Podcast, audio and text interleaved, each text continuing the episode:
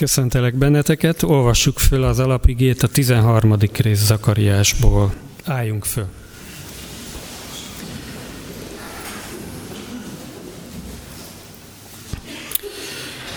Azon a napon forrás fakad Dávid háza és Jeruzsálem lakói számára, hogy lemossa a vétket és a szennyet. Azon a napon így szól a seregek ura, kiírtam a báványok neveit az országból, és nem emlegetik őket többé. A profétákat és a tisztátalan lelkületet is eltávolítom az országból. És ha valaki még profétálni merne, a saját szülei, az apja és az anyja mondják azt neki, nem maradhatsz életben, mert hazugságot beszéltél az Úr nevében. És a saját szülei, az apja és az anyja szúrja le, amikor profétál. Azon a napon szégyent vallanak a proféták látomásuk miatt, amiről profétálnak. Nem öltöznek többé állatsző ruhába, és nem hazudoznak. Azt mondják majd, nem vagyok én proféta, földműves vagyok, a földből élek ifjú korom óta. Ha pedig megkérdi valaki, miféle sebek ezek a melleden, azt fogja felelni, barátaim házában vertek meg. Kard, támadj pásztoromra, bizalmas emberekre, emberemre, így szól a seregek ura. Vágd le a pásztort, széledjen el a nyáj. Még a bojtárokra is kezet emelek. Úgy jár az egész ország, így szól az Úr, hogy kétharmad részét kiírtják és elpusztul. Csak egyharmada marad meg. Ezt a harmad részt is tűzbe teszem, megtisztítom őket, ahogyan az ezüstöt tisztítják, megpróbálom őket, ahogyan az aranyat próbálják. Ő segítségül hívja nevemet, én pedig meghallgatom őt. Ezt mondom, népem ő, és ő ezt mondja, az Úr az én Istenem. Imádkozzunk. Köszönjük Úr Jézus, hogy Te benned és Te általad megismerettük az Atyát, és mi is mondhatjuk, hogy az Úr az én Istenem. És köszönöm, hogy mégis szükség van, hogy néha emlékeztes a bűneinkre, és néha emlékeztes arra, hogy honnan jöttünk, vagy esetleg az azóta elkövetett bűneinkre, amiket le kell, hogy tegyünk. És köszönöm, hogy nem csak a bűnbánatot, hanem a megoldást is adod a te fiadban, az Úr Jézusban. Hálát adok ezért. Kérlek, hogy szent lelkeddel áradj ki, hogy mindenkinek legyen üzenetem a Jézus nevében. Amen. Foglalunk helyet.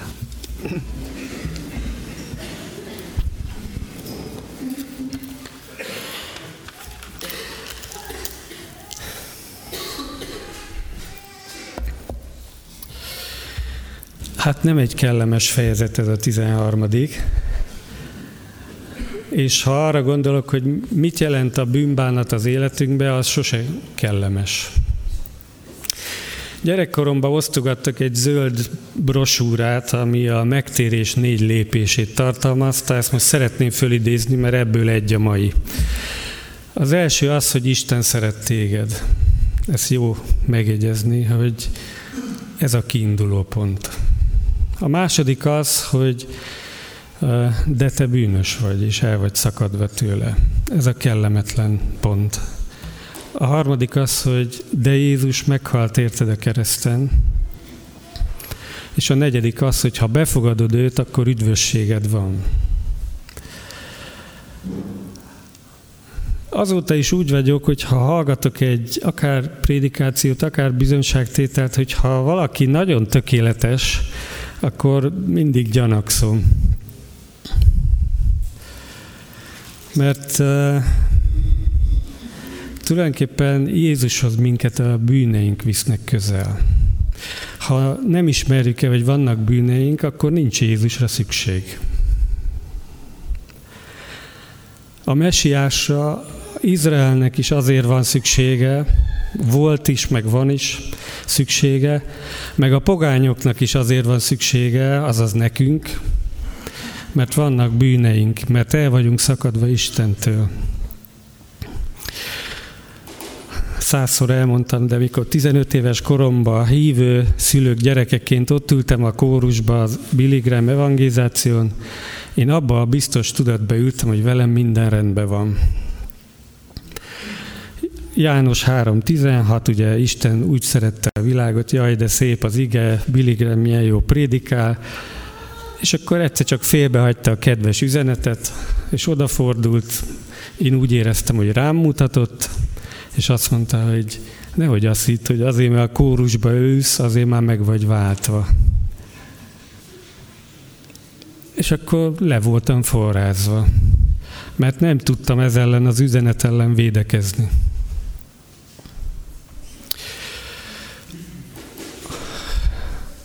És az volt az a pont, ahonnan elkezdtem gondolkozni azon, hogy még nekem is meg kéne térni. Aki az imázban nőttem föl, meg úgymond bizonyos értelemben hiszek Jézusba. Igen, még azoknak is meg kell térni, akik az imázban nőttek föl, azoknak is, akik nem itt nőttek föl, és néha még azoknak is meg kell térni egy-két bűnből, akik már hívők. Mondok egy példát, Péter apostol már felkent apostol volt, már túl vagyunk a feltámadáson, túl vagyunk pünkösdön, és lemegy Antiókiába, és elkövet egy bűnt, a személyválogatás bűnét, és a zsidókhoz, zsidókkal elkülönül a pogányoktól, mert ez van a génjeibe, és akkor ott van egy akkor még zöldfülű pálapostól, aki felelősségre vonja ezt a Pétert, aki pedig felettese a rangsorba, és azt mondja, hogy ha te zsidó létedre pogányokkal volt együtt, akkor most hogy várod, hogy a pogányok a zsidókhoz csatlakozzanak? Leleplezte, hogy még egy felkent apostol is tud vétkezni. Akik itt ültök, akár hívőként, akár barátkozóként, vagy vendégként, vagy nézitek ezt a programot, elmered-e ismerni, hogy még neked is, meg nekem is szükségünk van Jézusra, úgy, mint megváltóra. Vagy úgy, mint szabadítóra. Az egész Ószövetség, a törvény, azt úgy hívja Pálapostól, hogy az a kárhoztatás szolgálata.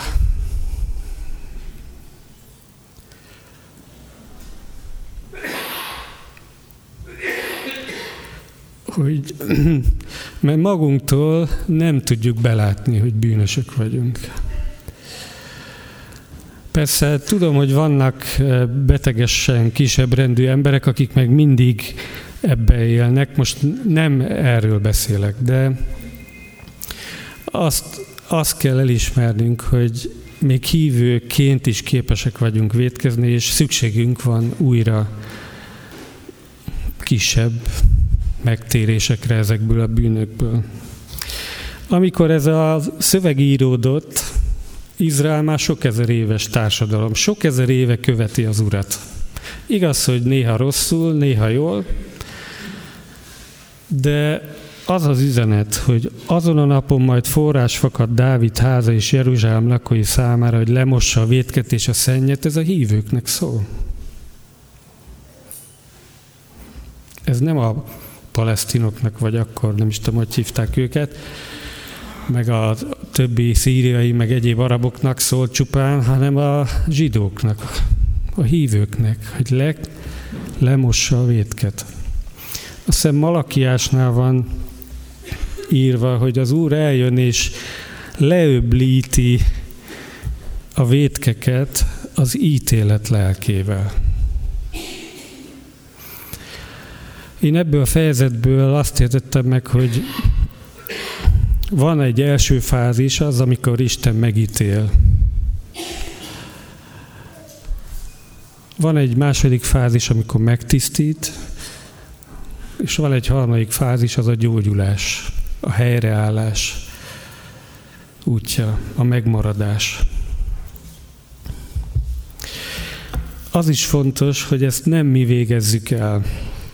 Nem tudunk igazi bűnbánatot gyakorolni. Nem tudom, volt-e már olyan, hogy tudtad, hogy meg kéne valamit, valamit, de nem tudtad őszintén tenni, mert valahogy nem belülről jött, csak rád akarják húzni. Most is, ha azt érzed, hogy csak én akarom ráthúzni, akkor én felszabadítalak, hogy nem kell semmit tenned. Csak akkor kell tenned valamit, ha a lélek mondja.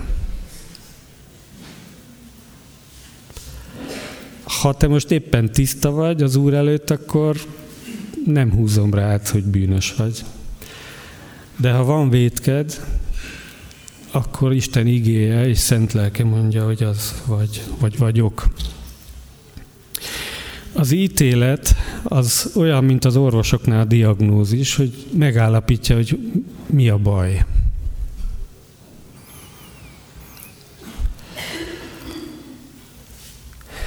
Enélkül nincs gyógyulás. Ha nem tudod, hogy mi a baj, akkor nem tudsz meggyógyulni.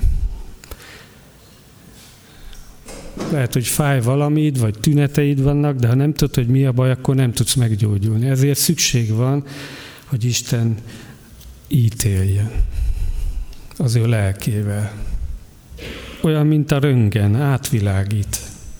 És meglátja, vagy a CT, vagy a nem tudom, mik vannak még, és meglátja, hogy hol a baj.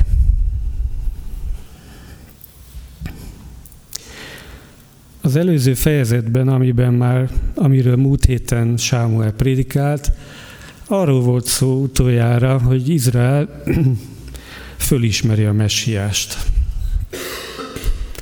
És akkor úgy fölmerült bennem a kérdés, hogy de ha már fölismerte a messiást, még utána jön az ítélet.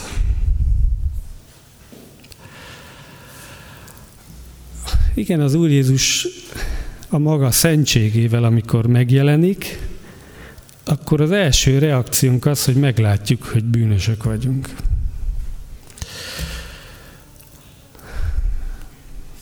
Mert ő olyan tiszta, mi meg nem.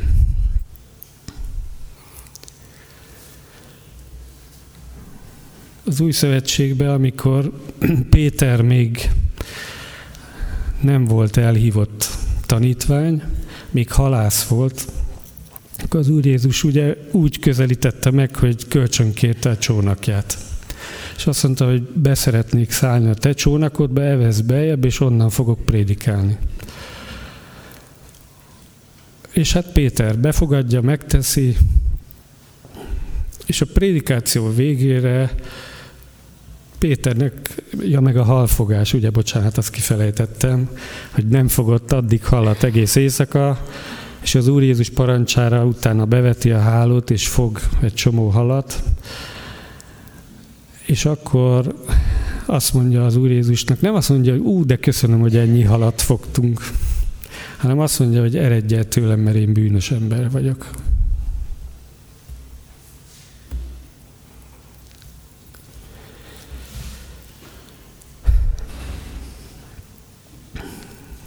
Amikor az Úr Jézus meglátjuk, akkor meglátjuk azt is, hogy mi milyenek vagyunk. Mert ő benne világosság van, mi meg nem vagyunk annyira világosak.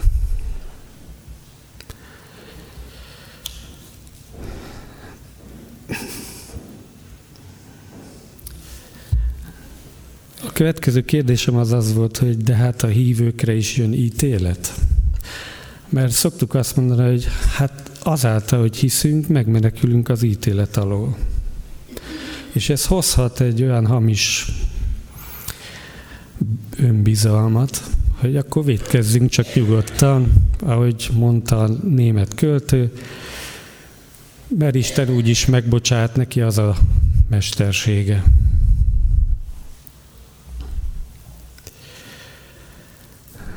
Péter apostol levelébe van a válasz. Azt mondja, mert itt van az idő, amikor elkezdődik az ítélet Isten háza népén. Ha pedig először rajtunk kezdődik, akkor mi lesz a vége azoknak, akik nem engedelmeskednek Isten evangéliumának? Minden ember át fog menni a tűzön. Mi is. És az a kérdés, hogy a tűz az meg fog égetni, vagy nem. Amit nem éget meg, az megy az örök életre. Amit megéget, az megég. A tetteinkből is. De ha Jézus Krisztus bennünk lakik, akkor mi átmegyünk a tűzön.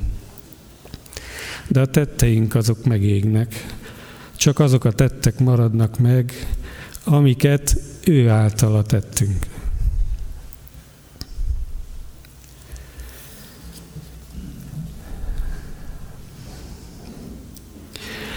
Aztán még közelebb hozom, még én rám is el fog jönni az ítélet. Mert hogy a hívőkre az oké, okay, na de hogy én.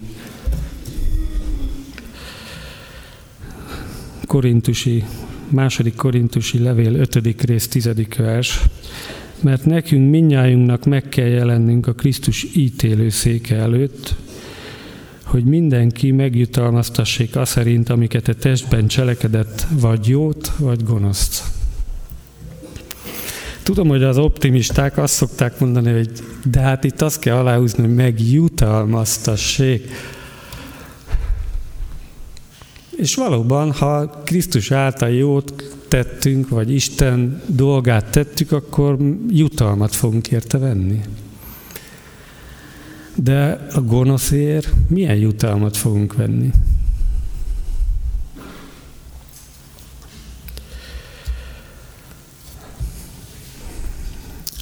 Izraelnek ebbe az időszakban ugyanaz volt a problémája, mint mindig a bálványimádás, és a bálványimádás olyan méreteket tud ölteni, hogy kialakulnak a profétái is.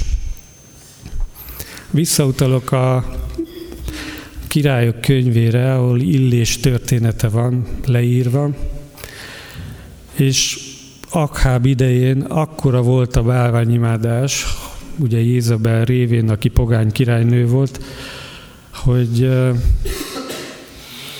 párhuzamosan ment két vallás.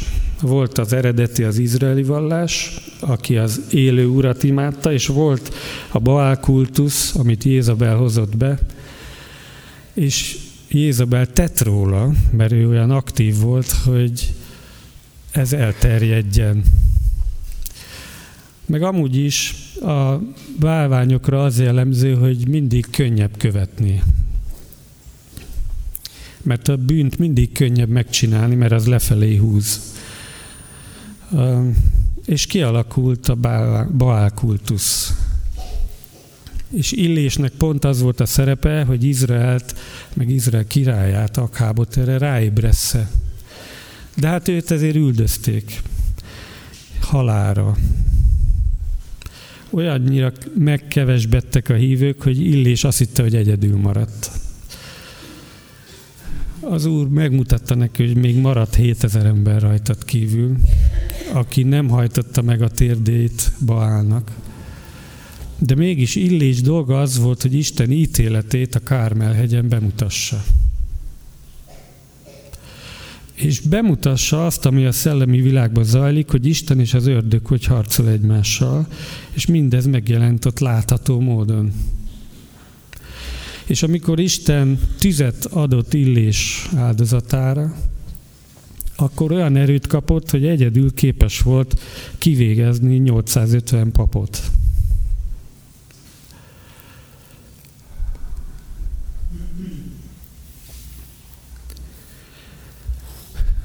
Isten lelke leüblíti a bálványokat. Nekem az sok hónappal ezelőtt az nagy vigasztalás volt, amikor a saját kis bálványaimra gondoltam, hogy Sámuel azt az igét hirdette, hogy ha Jézus kezdjük imádni, akkor Jézus imádata magától kiszorítja a bálványokat és hozta azt a példát, amikor a Dágon temploma. Ugye van az, hogy a filiszteusok betörtek Izraelbe, és elrabolták a frigyládát, ami Isten jelenlétét képviselte. És ezt a frigyládát elviszik a filiszteusok földjére, és beviszik a pogány templomba, be a Dágon nevű Istennek a templomába. Ennek a Dágonnak volt ott egy szobra és vele szembe letették a frigyládát. Aztán bezárták a templomot, másnap reggel kinyitják a templomot, és azt látják, hogy a Dágon szobra az leesett a frigyláda elé. Hát akkor még azt gondolták, hogy ez talán csak véletlen, fölállították a szobrot újra, megint eltelt egy nap, másnap már úgy esett le a Dágon szobra, hogy letörtek a kezei, meg a feje, nem is tudom. Mit jelképez ez nekünk? Az, hogy a bálvány istenek azok kisebbek, mint az élő Isten. És hogyha az élő Istent imádjuk, akkor a bálvány istenek kiszorulnak, leborulnak, szétesnek, darabokra hullanak, és az uralmuk megszűnik az életünkben. Az imádat ezért nem lényegtelen momentum, akár itt az Isten tiszteleten, akár otthon. Persze sokféleképp lehet Istent imádni, de néha gyakorolni kell azt, hogy szóval. Biztos éreztétek pár hogy amikor ott ültök, és akkor a dicsőítés vezető kér valamit, hogy mond ki, vagy énekeljük el, vagy közösen mondjunk egy ige verset, hogy amikor rossz paszba vagy, akkor van egy ellenállás. És ezt az ellenállást, ezt le kell ahhoz győzni, hogy az igének, meg az imádatnak az ereje áttörjön az életedbe. Ki kell mondani. Valahogy így van kitalálva, hogy az Isten igazságait azt mindig ki kell mondani. Ezért van a bizonyságtétel is. A hitünket meg kell vallani, nem elég titokba hinni. Lehet titokba hinni, csak nem lesz erőd. Az erő akkor növekszik, mikor a bizonyságtétel megszaporodik. Mert az felszabadítja Isten erejét. Ki kell mondania, amit hiszünk.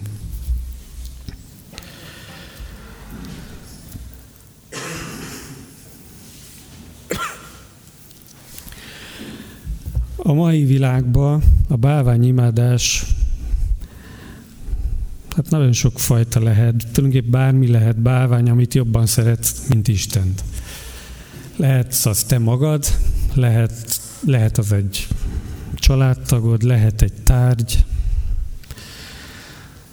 de ma Magyarországon bálványimádás az nagyon sok egyéb vallásban is megnyilvánul, vagy éppen materializmusban, tagadásban, vagy olyan hamis vallásosságban, ami a látszatot föntartja, de titokba kétfelé sántikál.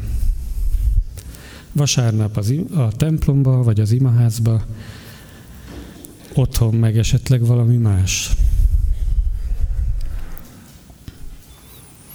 Megint Illést idézem, azt kérdezte Izraeltől, hogy meddig sántikáltok még két felé.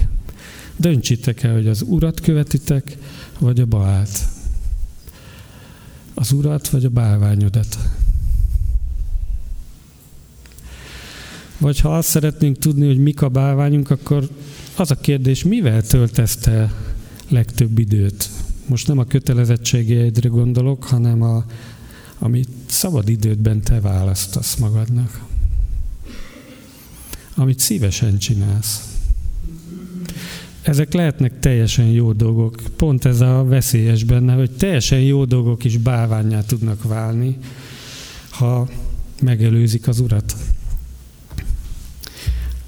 Ezt is el szoktam mondani, hogy ilyen a szakma például. Van, aki annyira szeret dolgozni, hogy a munka válik a bálványává. Ez nekem is nagy kísértés, mert a zene az ráadásul ez egy ilyen sikerszakma, színpadon zajlik, és az nagy vonzerő, hogy megtapsolják az embert, de már kezdettől fogva volt a Pestrinci gyülekezetben még a régibe is, meg aztán az újba is, aki úgy rendszeresen a fejemre olvasta, hogy mikor szerepelek, és mikor szolgálok.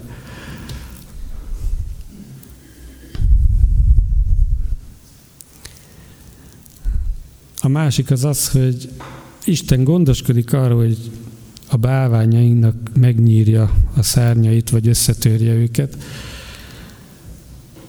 mert mi hozzuk magunkkal ide az imaházba is, meg a gyülekezetbe is a, a szakmai öntudatunkat. És rá kell ébredni, hogy az Isten előtt, vagy az imaházba még a szakmáknak is össze kell törni. Ez nem azt jelenti, hogy nincs rájuk szükség, hanem azt jelenti, hogy még azoknak is meg kell hajolniuk.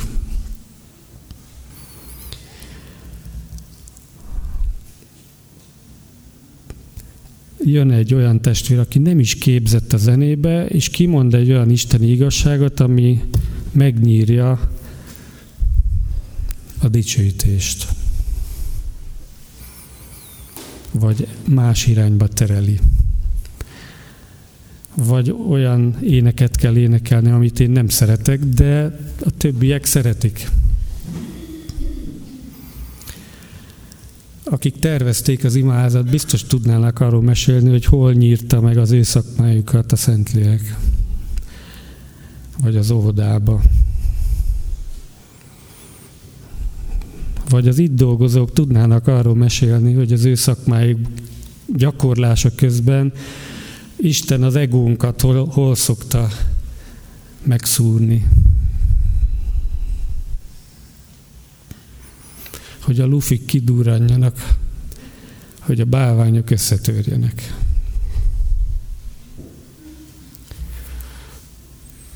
És hogy mindenben ő legyen az első.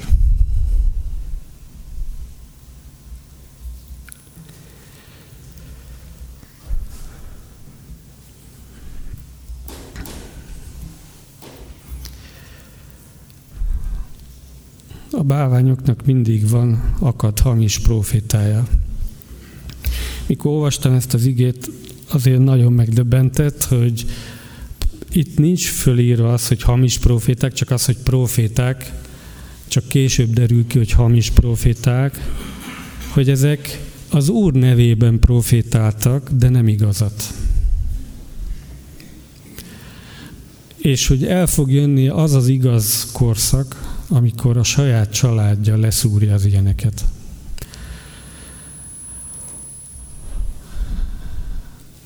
Aztán ott van ez a történet, hogy kérdezik, hogy véd, vagyis védekeznek a, ezek a hamis proféták, de hát én nem is proféta vagyok, hanem, mert érzi az életveszélyt. Nem is proféta vagyok, hanem csak itt földműves. Erről eszembe jutott egy történet, az Ámós profétának van egy ilyen története, hogy mikor Ámós elmondja a vezetőknek Isten ítéletét, akkor azok megfenyegetik őt. És akkor Ámósnak az első reakciója is ez, hogy azt mondja, hogy hát én nem is proféta vagyok, hanem csak jupásztor. De aztán Szentlélek kitör belőle, és akkor újra elmondja az Isten ítéletét és kiderül, hogy mégiscsak proféta. Hiába védekezik azzal, hogy ő csak jupásztor, a Szentlélek nem hagyja ezt jóvá, és azt mondja, hogy nem, te proféta vagy.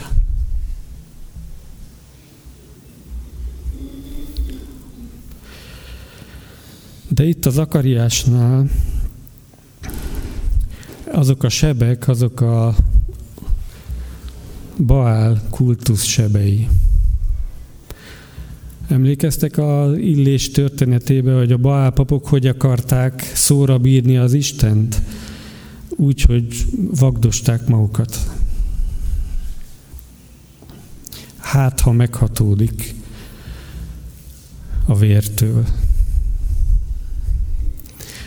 Manapság nem divat a baálkultusz, de a vagdosás az divat. Megkönnyebbülés céljából. A tinédzserek között van ilyen kultusz. Az is lehet, hogy nem csak a tinédzserek között, hogy aki nem bírja a lelki fájdalmát földolgozni, az vagdossa magát.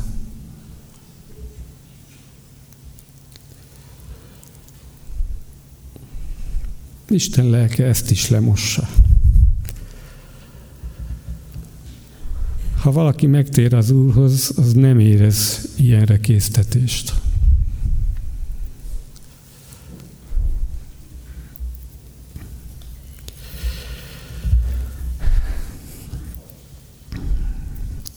A második pont a megtisztítás folyamata, ami drasztikus. Az olyan, mint az orvosoknál a műtét. Az előbb beszéltem a diagnózisról, hogy megállapítja, hogy mi a baj.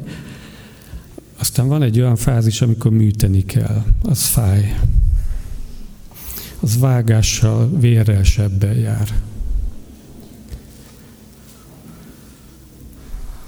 Isten is csinált ilyet Izraelen. Többek között az, az is, hogy ki kell írtani a hamis profétákat, ez már Mózes törvényében is benne van. 5 Mózes, azt hiszem 13-ba. Ott azt mondja, hogy még a saját családtagod is az, aki az Úrtól el akar csábítani téged, akkor ne kíméld, ne szánt, hanem te legyél az első, aki megkövezi. És utána Izrael. Az Ószövetségben a bűn az úgy tapad az emberre, hogy azonnal le nem szedhető. Mint manapság a tetoválás. Bár tudom, hogy ma már kísérleteznek azon, hogy leszedhető legyen. De az Ószövetségben a bűn csak úgy távolítható el, ha a bűnöst kivégzik. Vagy engesztelő áldozatot mutatnak be, egy állatáldozatot, és annak a vére befedezi a bűnt.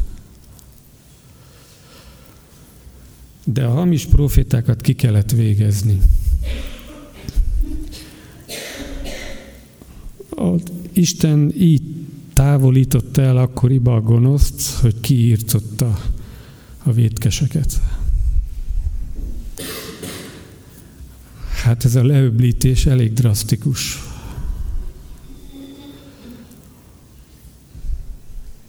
És ha valaki makacsul ellenáll az Istennek, akkor ma is ez van.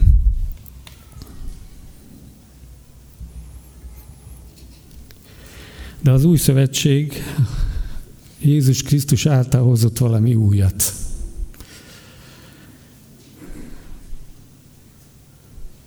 Az, hogy ő halt meg helyettünk.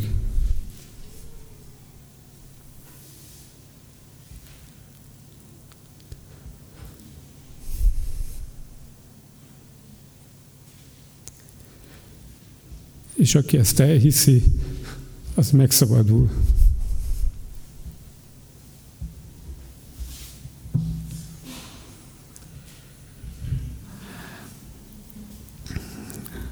Az Úr Jézus történeteiben sokszor elég volt őt megérinteni.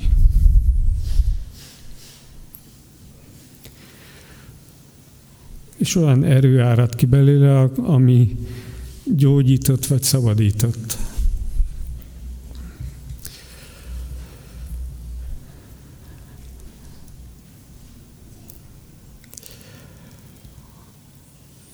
Ez is azt hiszem Sámuel egyik prédikációjában hangzott, hogy az Úr Jézus nem kereste a szabadító az ördögűző szolgáltot, de gyakorolta, amikor kellett. Amikor ő prédikált, akkor a démonikus emberek nem tudtak csöndbe maradni, megnyilvánultak. És Jézus szavát pont azt különböztette meg a többiekétől, hogy az ő szavának hatalma volt. És ez a hatalom, az ő szava, az képes volt az ördögöket kiűzni. Ugye csodálkoznak is sokszor, hogy micsoda új tanítás ez, hogy a szavával kiűzi az ördögöket.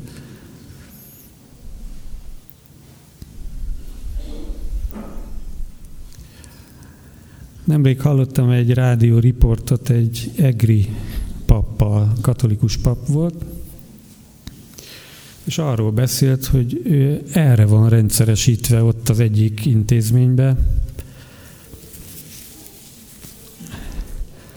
hogy fölismerje, hogy ki az, akiben van démonikus erő, és ő imádkozik, és az illető megszabadul. Más gyülekezetekben is van ilyen, de érdekes volt hallani, hogy a katolikus egyházban is van ilyen. Akiben fölismerik ezt a karizmát.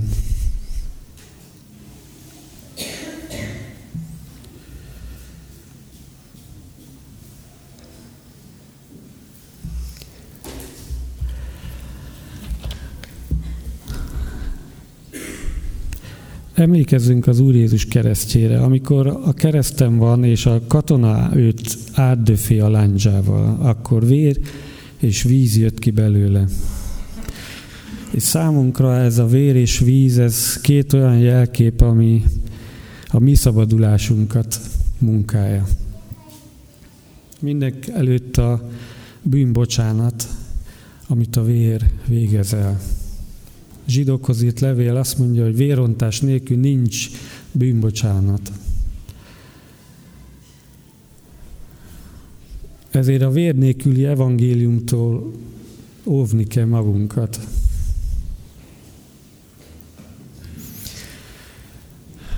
De az Úr Jézus vére az megtisztít minden bűntől. És az ő vére végzi el azt, hogy utána már működtet az, ami a János levelébe úgy van leírva, hogy ha megvalljuk bűneinket, ő hű és igaz, hogy megtisztít minket minden gonoszságtól.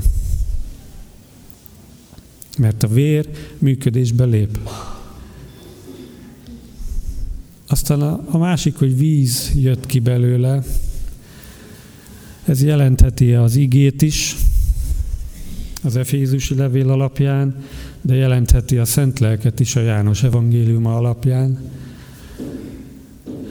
És most visszautalok egy ószövetségi jelképre, hogy Mózes idejében a papokat, a jobb kezüket, a jobb fülüket, meg a jobb lábújukat vérrel és megszentelt olajjal kenték meg. Ugyanez a két dolog a vér, a bűnbocsánat, ami elfedezi a bűnöket, és az olaj a Szentlélek ereje. Ami mindezt elvégzi a szívünkbe. Szükségünk van a vérre, meg a vízre.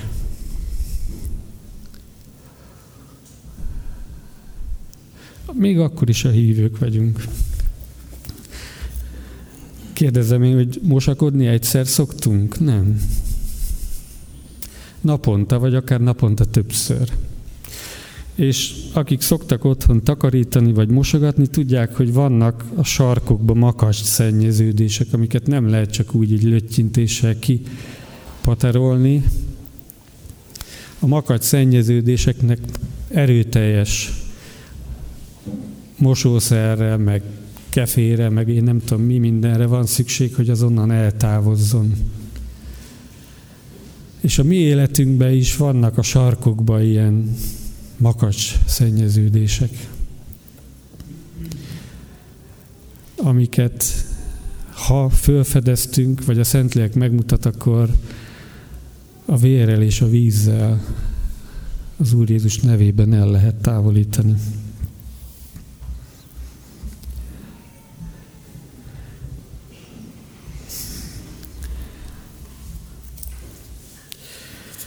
Ez a megtisztítás itt a Zakariásban elég drasztikus olyan szempontból is, hogy a pásztorok, a bolytárok, vagyis a vezetők pusztítását jövendeli. Ha eltévedünk és hamis evangéliumot kezdünk hirdetni, akkor ez következik be, hogy Isten az ő ítélő lelkivel még elviszi azokat is, akik vezetőként vannak az országban, vagy a gyülekezetben.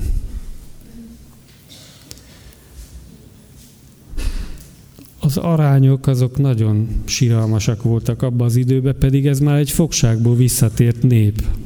Ők azok, akik Babilonból visszajöttek Izraelbe. És azok, akik újjáépítik a templomot. És azt mondja, hogy kétharmada el fog pusztulni, és egyharmada marad meg, és még az egyharmadot is tűzbe veti. És mi, mielőtt még nagyon szörnyűködnénk ezen, most tegyük át ezt Magyarországra. Vajon Magyarországnak egyharmada az komoly hívő, aki kapcsolatban van az Úrral?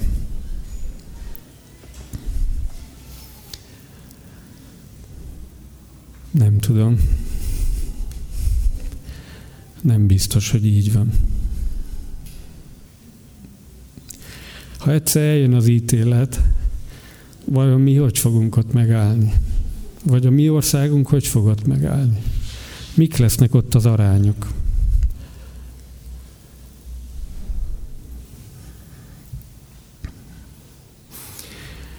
De az az egyharmad, amelyik megmarad, vagy akár milyen mennyiségű, de az, aki az Úrhoz szűséges marad, még azt is az Úr megpróbálja. Azt mondja úgy, mint az ezüstöt, meg az aranyat. Hát azt olvasztással szokták megpróbálni, hogy ki jöjjön belőle a salakanyag, és utána lefölözik a tisztát.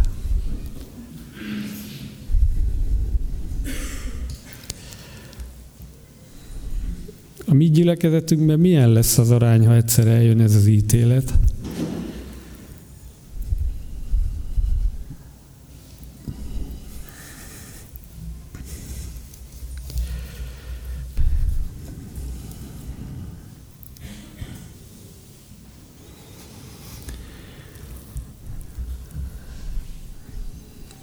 De ma még a kegyelem napja van.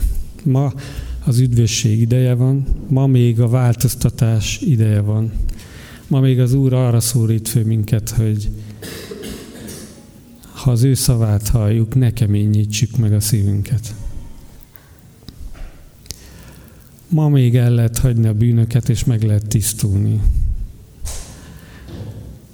Ma még lehet ezüsté meg aranyjá válni az Úr szemében örökérvényűvé, olyanná, ami majd a tűzön is át fog menni. Erre hív minket az Isten. És azt fogom kérni, hogy most két szakaszban imádkozunk. Először csöndbe egyedül, magunkba. És beszélgessünk az Úrral, hogy van-e rajtunk tisztítani való hogy vajon, ha az ítélet ma jönne el, akkor elmosna minket, vagy pedig megmaradnánk, ahogy az arany. És hogyha van tisztítani való, akkor azt adjuk át. És utána pedig majd fogok szólni, és akkor pedig utána két-hármas csoportokban hangosan is imádkozzunk, és annak a végén pedig a dicsőítő csoportot fogom kérni szolgálni. És egy percig legyünk csöndbe, és beszélgessünk az Úrral.